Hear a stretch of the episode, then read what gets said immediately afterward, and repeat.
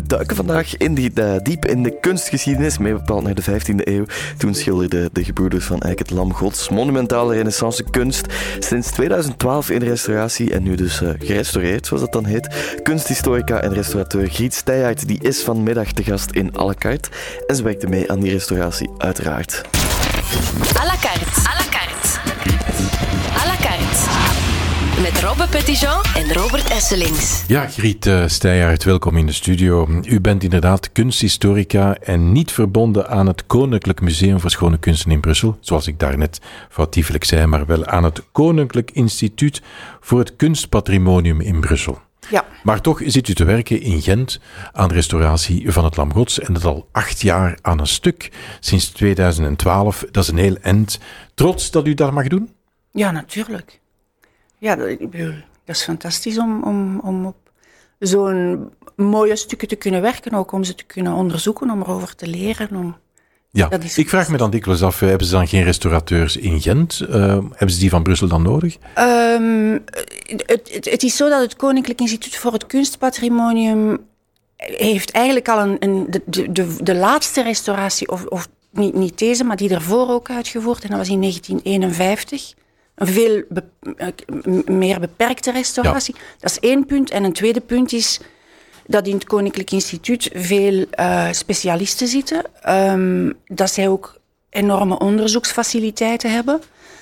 Um, en ja, zo, zo dik lopen de mensen, um, die, of restaurateurs die veel ervaring hebben met, met 15e-eeuwse schilderijen. Zoveel zijn er niet. Nee, dus wat... als je een team moet samenstellen, ja. dan voilà. Ben je erop rond? Ja. En u is een van de restaurateurs natuurlijk, want uh, gespecialiseerd in de Vlaamse primitieven. Ja. Uh, een van de vorige werken die u zelf hebt gerestaureerd uh, waren de Zeven Sacramenten van Rogier van der Weijden. Ja. Roger Lapasture. Roger de Le Pasture. De Le Pasture, ja, vreemd genoeg. Ja. Hè? Die van, van Oudergem, dacht ik. Hè? Het Rood Klooster heeft hij daar gezeten. Nee, daar, daar vergist u zich. Daar, daar verwart u met Hugo van der Goes. En Hugo van der Goes is, is een andere Vlaamse primitief waar ik nu ook aan, aan het werken ben in het Museum van Brugge. Oh ja, dat zijn voor mij al twee fouten op tien minuten, dus uh, dat Ja. kan tellen. Hè. Maar goed... Uh, Maar nee, Rogier van der Weijden uh, is wel zeer verbonden met Brussel in de zin dat Rogier van der Weijden in Brussel, die was officieel stadsschilder van Brussel. En woonde eigenlijk, zijn huis stond waar nu de Koninklijke Bibliotheek staat. Maar goed, uh, we zullen het hebben over het Lam Gods, om het simpel te houden. Ja. En Jan van Eyck. en wat er allemaal bij komt kijken, want het is een bijzonder man. Dat weet nu iedereen sinds die fameuze tentoonstelling in het Citadelpark in Gent is geopend. Dat is een, uh, een monument, zal ik maar zeggen, in de schilderkunst. Vooral de Vlaamse Ja. schilderkunst. En daar gaan we het zo dadelijk over hebben. Ja, ontzettend belangrijk, uh, Griet Steijaert, is het licht bij Jan van Eyck. En hoe dat invalt en hoe hij eigenlijk met dat licht taferelen en figuren tot leven brengt. Um, dat is zeker zo. Maar het ligt, ik denk dat je dat breder kan zien in de zin van um, observ zijn observatie. Hoe Ja. hij um, alle de, de, de textuur van, van, van ja, de verschillende stoffen of, of materialen, zoals metaal of, of wat dan ook. hij, hij kon die hij had een fantastisch observatievermogen en dat gecombineerd met een ongelooflijke uh, virtuositeit in, in het schilderen, in het hanteren van zijn penseel eigenlijk, maakt dat hij ja, dat heel goed kon vertalen en dat, dat het echt ja, verbluffend is hoe, hoe hij um, licht weergeeft. Um, ja, het was bijna wetenschappelijk. Het was bijna wetenschappelijk, kan men zeggen. De schaduwen vallen allemaal op dezelfde manier. Uh, de weerkaatsing in, in de ogen, uh, het waterige in de ogen. Het is, het is fenomenaal hoe hij eigenlijk de zaken tot leven bracht. Ja, dat is zeker zo. Ja, Ja, en dat gecombineerd met zijn fameuze kennis van de olieverf. Ja Uh, het, is, dat is, de, het olieverf bestond wel al veel, al veel langer. Ik bedoel, Ja. is, Jan van Eyck is zeker niet degene die olieverf uitgevonden heeft. Um, maar het is, het is eerder zijn, zijn, zijn ongelooflijk gebruik van, van de materialen die, die men al gebruikte. En, en ja, zijn kunde in het, in het, in het schilderen gewoon. Ja, hij bracht die eigenlijk laagje per laagje aan, die olieverf omdat hij eigenlijk een truc had gevonden, cicatieven om het moeilijk te houden, om, het, om het, de olieverf sneller te doen stollen, zodanig dat die laagje per laagje Ja, dat, is aanbrengen. niet, dat klopt niet helemaal. Dat is, men, men, daar is een, Dat moet een klein beetje bijgestuurd worden. Ze werken ehm, allemaal wel in verschillende lagen. Dus er is, er is een opbouw in die verflaag van, van eerst een grondtoon te zetten en daar dan ehm, even eh, andere tonen op te zetten. Onder andere ook transparante verflagen, soms dikker, soms dunner. Er zijn ook plaatsen waar hij de grondtoon, waar die, dat hij die zal, gewoon zal gebruiken. Want hoe eigenaardig het ook lijkt, maar, maar, maar Jan van Eyck, zoals alle grote schilders, werkt eigenlijk heel economisch. Hij zal alleen maar verftoetsen zetten waar hij ze nodig heeft. Als hij de, de toon die er al staat kan gebruiken, zal hij dat gebruiken. Ehm, maar dus, het, het, het is soms een ingewikkelde opbouw, maar er is natuurlijk ook het idee ontstaan dat het zeer ingewikkeld was, omdat men vroeger naar verfmonsters keek. Ja. Dus als men in 1951 bij een vroegere restauratie verfmonsters genomen heeft, dan zag men bijvoorbeeld 17 laagjes ehm, verf bovenop elkaar.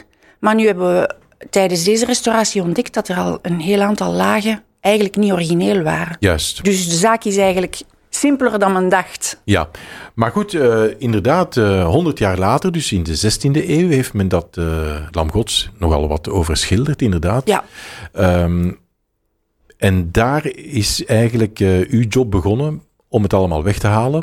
En men heeft eigenlijk onder meer, dat is het meest spectaculaire tot nog toe, het Lam Gods zelf een beetje eh, van onder de verf gehaald. Met als gevolg dat dat hoofd van eh, het schaap, om het zo te zeggen, er helemaal anders uitziet dan zoveel jaar geleden. ja. Ik, weet, ik weet niet of dat het meest... Dat is misschien niet het meest spectaculaire, maar alleszins het meest in beeld gekomen, laat ik het zo zeggen. Ehm, en inderdaad, het, het, het lam was ehm, een van de elementen die overschilderd was en waar we van wisten dat het overschilderd was. Want veel van de overschilderingen, het grootste deel, sommige, de, de laatste fase die we gedaan hebben, dat was ve- 50% van het oppervlak was overschilderd. Nu, van het lam wisten we dat eigenlijk omdat in, weer in 1951 bij de laatste restauratie ehm, had Filippo, een voorganger van ons, een, een belangrijke restaurateur, had al een beetje overschildering weggehaald. Nu, die had heel weinig tijd. En hij had dus rond het lam eigenlijk al wat gras weggehaald en daardoor de originele oren gevonden. Vandaar dat het lam ehm, op het moment dat wij er al aan begonnen, en, en dus de laatste 50 jaar, had het lam vier oren. Ja, Nu, wij hebben de rest weggehaald.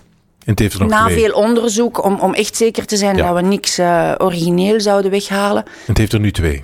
En nu, nu heeft het lam twee oren, zoals elk lam. En ogen waar ehm, veel om te doen geweest is, omdat ze, ze staan, de ogen van, van dus het originele lam staan wel meer frontaal dan bij een normaal eh, schaap of lam. Ja, Maar of dat zo menselijke ogen zijn, daar heb ik persoonlijk wel mijn twijfels bij. Want als je het echt gaat vergelijken met de ogen van een lam, ook qua kleur, qua... qua ehm, ja, dat zijn zo groenachtige, eh, okrachtige ogen. Dat lijkt heel erg op... Dat is weer de waarneming van Jan van Eyck die daar eh, naar boven komt, denk ja. ik. Maar ze zijn nu zoals ze oorspronkelijk zijn Ja. ge- Ja. geschilderd, inderdaad, eh, en getekend en weet ik veel. Dus dat is allemaal dankzij jullie, eh, waarvoor een grote proficiat, zou ik zeggen. Heel het team, hè. Ja. Hele team inderdaad. Je kan het gaan bekijken in Gent natuurlijk. Ehm, ze zeggen dus dat het menselijke ogen zijn. Ik vond dat ook niet. Het zijn duidelijk de ogen van een lam. Het is gerestaureerd, het lam gods, behalve één paneel natuurlijk. Griet Steijaert, restaurateur van het Lam Gods, eh, zal ik maar zeggen. Onwaarschijnlijk toch dat het Lam Gods die 600 jaar heeft overleefd. Want als men weet dat het in stukken is gezaagd, sommige delen toch op kar en paard naar Parijs is gevoerd, andere delen naar Berlijn. En toch blijft daar zoveel van overeind na 600 jaar. Dat is toch bijzonder? Dat is, dat is zeker bijzonder, want er is, ik denk van, van de 15e eeuw, we hebben natuurlijk geen idee hoeveel verloren gegaan is van de 15e eeuwse schilderkunst. Maar ik denk als ik zou zeggen dat we nog 5% over hebben van die periode, dan zal het veel zijn, denk ik. Ehm, dus dat is heel bijzonder, maar dat heeft ook veel te maken met het belang dat het Lam Gods altijd gehad heeft. Dus van in, van, van in ja, van in, in de 16e eeuw, zelfs van in de 15e eeuw, kwamen de mensen van heinde en ver om naar het Lam Gods te kijken. Daar zijn, daar zijn documenten van, dat weten we echt. Ehm, en eh, ja, het is altijd heel belangrijk geweest. Het is eigenlijk pas in de meer recente geschiedenis dat het met de Franse revolutie, dat het naar Parijs vervoerd is en de oorlogen, dat het Ja, overal... En ook omdat op een bepaald moment de interesse voor het lam gods een beetje gedaald is en de kerk eigenlijk de- de zijluiken verkocht heeft op dat moment. Ja. Zo zijn ze in Berlijn terechtgekomen. inderdaad. Eh, maar die twee eh, fameuze luiken, ehm, eh, Adam en Eva, om het zo te zeggen, die eigendom zijn nog altijd voor, van de Koninklijke Museum voor Schone Kunsten in Brussel. Ik heb het juist, hè, want die zijn ooit gekocht in 1861. Die eh, twee luiken, daar is de grote vraag: zijn de vijgenbladen eh, van Adam en Eva overschilderd of zijn het originele? Ehm, kijk, ik, dat is natuurlijk een hele goede vraag en ik vraag het mij ook af. Ehm, ik was gisteren nog op de tentoonstelling in Gent. Ehm, en ik, Adam en, dus Adam en Eva zijn daar omdat, omdat het, die, die, die zijn gerestaureerd. Maar dat zijn de achterkanten van panelen Ja. die wel gerestaureerd zijn. Dat zijn dus panelen die niet overdwars doorgezaagd zijn, omdat ze niet in Berlijn geweest zijn. Want bon, diegenen die in Berlijn geweest zijn, zijn doorgezaagd. Ehm, Adam en Eva zijn daar dus op die tentoonstelling te zien en je kan het dus van heel dicht bekijken. Ja. En? Ehm, en ik, bon, ik, ik heb er vroeger ook veel naar gekeken. Je kan het, ik kan het echt niet zeggen. Om de heel eenvoudige reden dat je door. En dat is ons probleem geweest bij de vorige, eh, bij de restauratie die we tot nu toe gedaan hebben. Met bovenop de overschilderingen nog een heel aantal lagen niet-originele vernissen. Die, eh, die ver- verkleurd zijn, die, die veranderd zijn in de tijd. Het vuil dat tussen die vernislagen zit. Je kan het echt niet zien. Het, is, het is pas tijdens de restauratie, als we de eerste vernislagen verwijderen, dat je, dat je pas kan echt beginnen onderzoeken en zien wat is hier overschilderd Dus u gaat het nog meemaken en wij ook, om te weten, waren het eigenlijk overschilderingen of niet? Want ja, de panelen worden hoe dan ook eh, nog gerestaureerd. Ik, ik hoop het, ik hoop het. Op dit moment is het niet geweten ehm, ja, wanneer en, en, en wie het zal restaureren. Eh, maar de kans is maar groot. de kans is groot. Ik hoop het alles niet. Ja. Zeg, en zeg nu zelf, hoeveel restaureert u eigenlijk zo op een dag?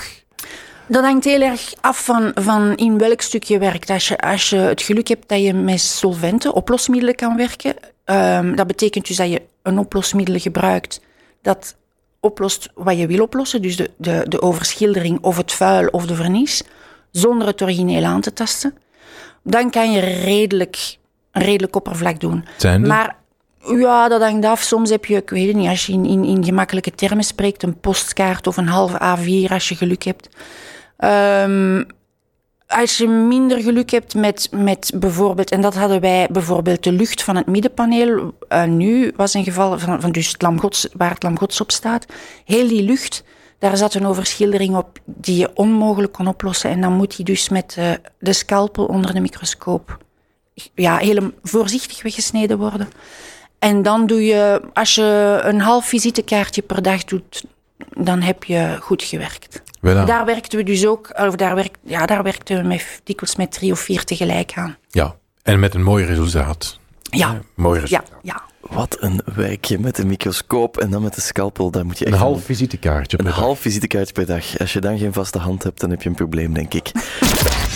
à la carte. Ja? Nee. Ja, nee, leuk spelletje, eh, Griet Steijaert. Dus eh, antwoorden met ja of met nee. Kunst en cultuur zijn als water en brood voor de mens. Ja, Jan van Eyck was in zijn tijd de absolute top. Mm, ja. Brussel is er de voorbije 30 jaar op vooruit gegaan. ja. Voilà. Griet Steijaert, kunsthistorica en restaurateur van het eh, Lam Gods. Inwoner van Molenbeek, Ja, vlakbij het huis waar Abdeslam is opgepakt. Dus u weet eh, hoe Molenbeek in elkaar zit, neem ik aan. De vraag is... U is ook, en dat weten er weinigen, denk ik, u is ook de kleindochter van de fameuze Jeff Steijaert, de uitbater van de Vlaamse boekhandel De Plukvogel, waar vroeger, van de jaren 50 tot de jaren 90, denk ik, zowat iedereen in Brussel klant was. ja. Uh, alle, Alle Vlamingen. Ja. Ja, dat is te onwaarschijnlijk. Dat was eigenlijk een, een enorme, belangrijke boekhandel voor ons Vlaamse Brusselaars. Want ik denk zelfs dat zowat het hele Nederlandstalig onderwijs daar klant was. Ja, zij verkochten ook schoolboeken vooral, ja. Hebt u dat meegemaakt, die tijd? En of, ik, ja, ja, dat is, dat is zo, ja, ik ging heel veel in de, zoals alle kleinkinderen, wij gingen in de, in de, we zaten voortdurend in de boekhandel. We speelden in de, s'avonds als de boekhandel gesloten was, mochten wij spelen en lezen in de boeken. Komt we zijn daar- allemaal wel opgevoed met, van, met het idee van een boek moet nog verkocht worden. Dus je mag erin lezen, maar je mag het niet beschadigen. Ja. Komt u uw goesting, om het zo te zeggen, voor eh, de kunst daar vandaan? Nee, dat is van, van, van, van mijn ouders meegekregen. Want mijn vader was, ehm was antiquair op de Zavel van Afrikaanse kunst. En van- als, van kleins af aan heb ik in, op reis van Romaanse kerk naar Romaanse kerk. Mijn moeder was ook heel erg bezig met kunst. Ja. Ja, dat, dat is van thuis uit.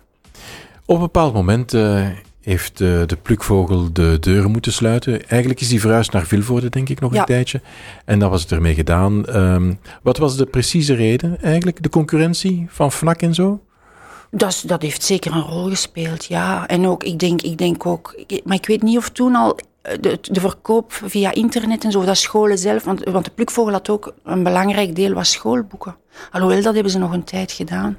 Ik denk nee, dat vooral de FNAC was. Ja, Ja, dat was de boosdoener. ja, Goed. ja.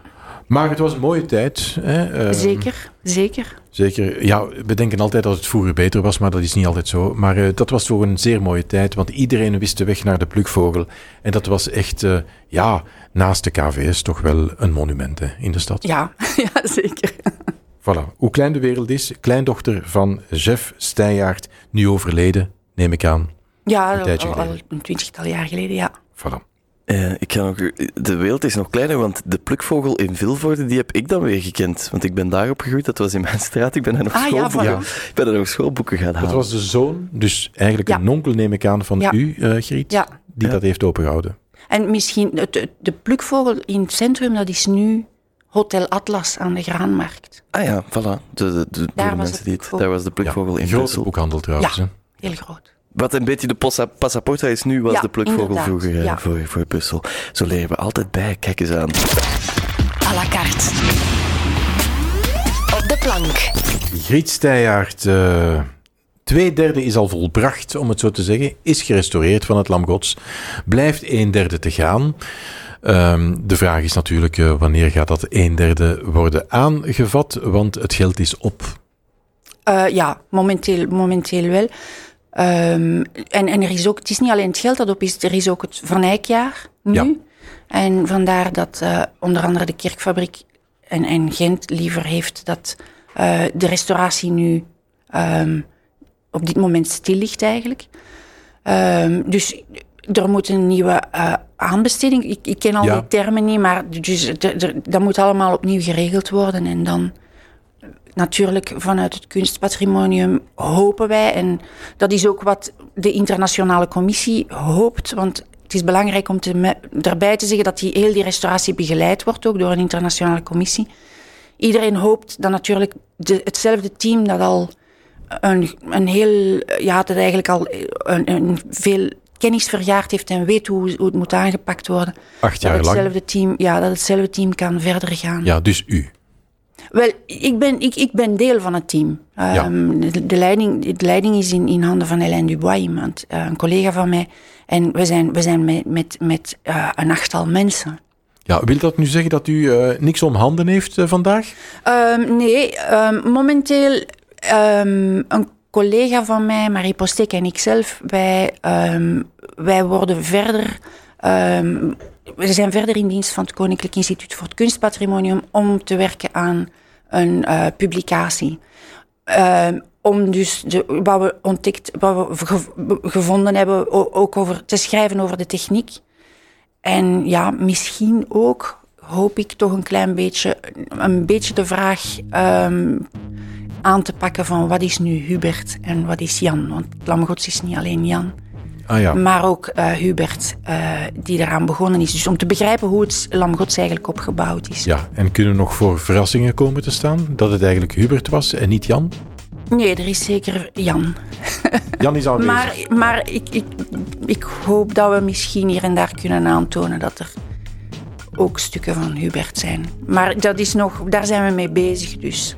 We kijken er naar uit, Griet Stijver. Ja. ja, wie weet zijn die gekke ogen van dat lam wel geschilderd door die gekke Hubert van Eyck en niet door Jan van Eyck.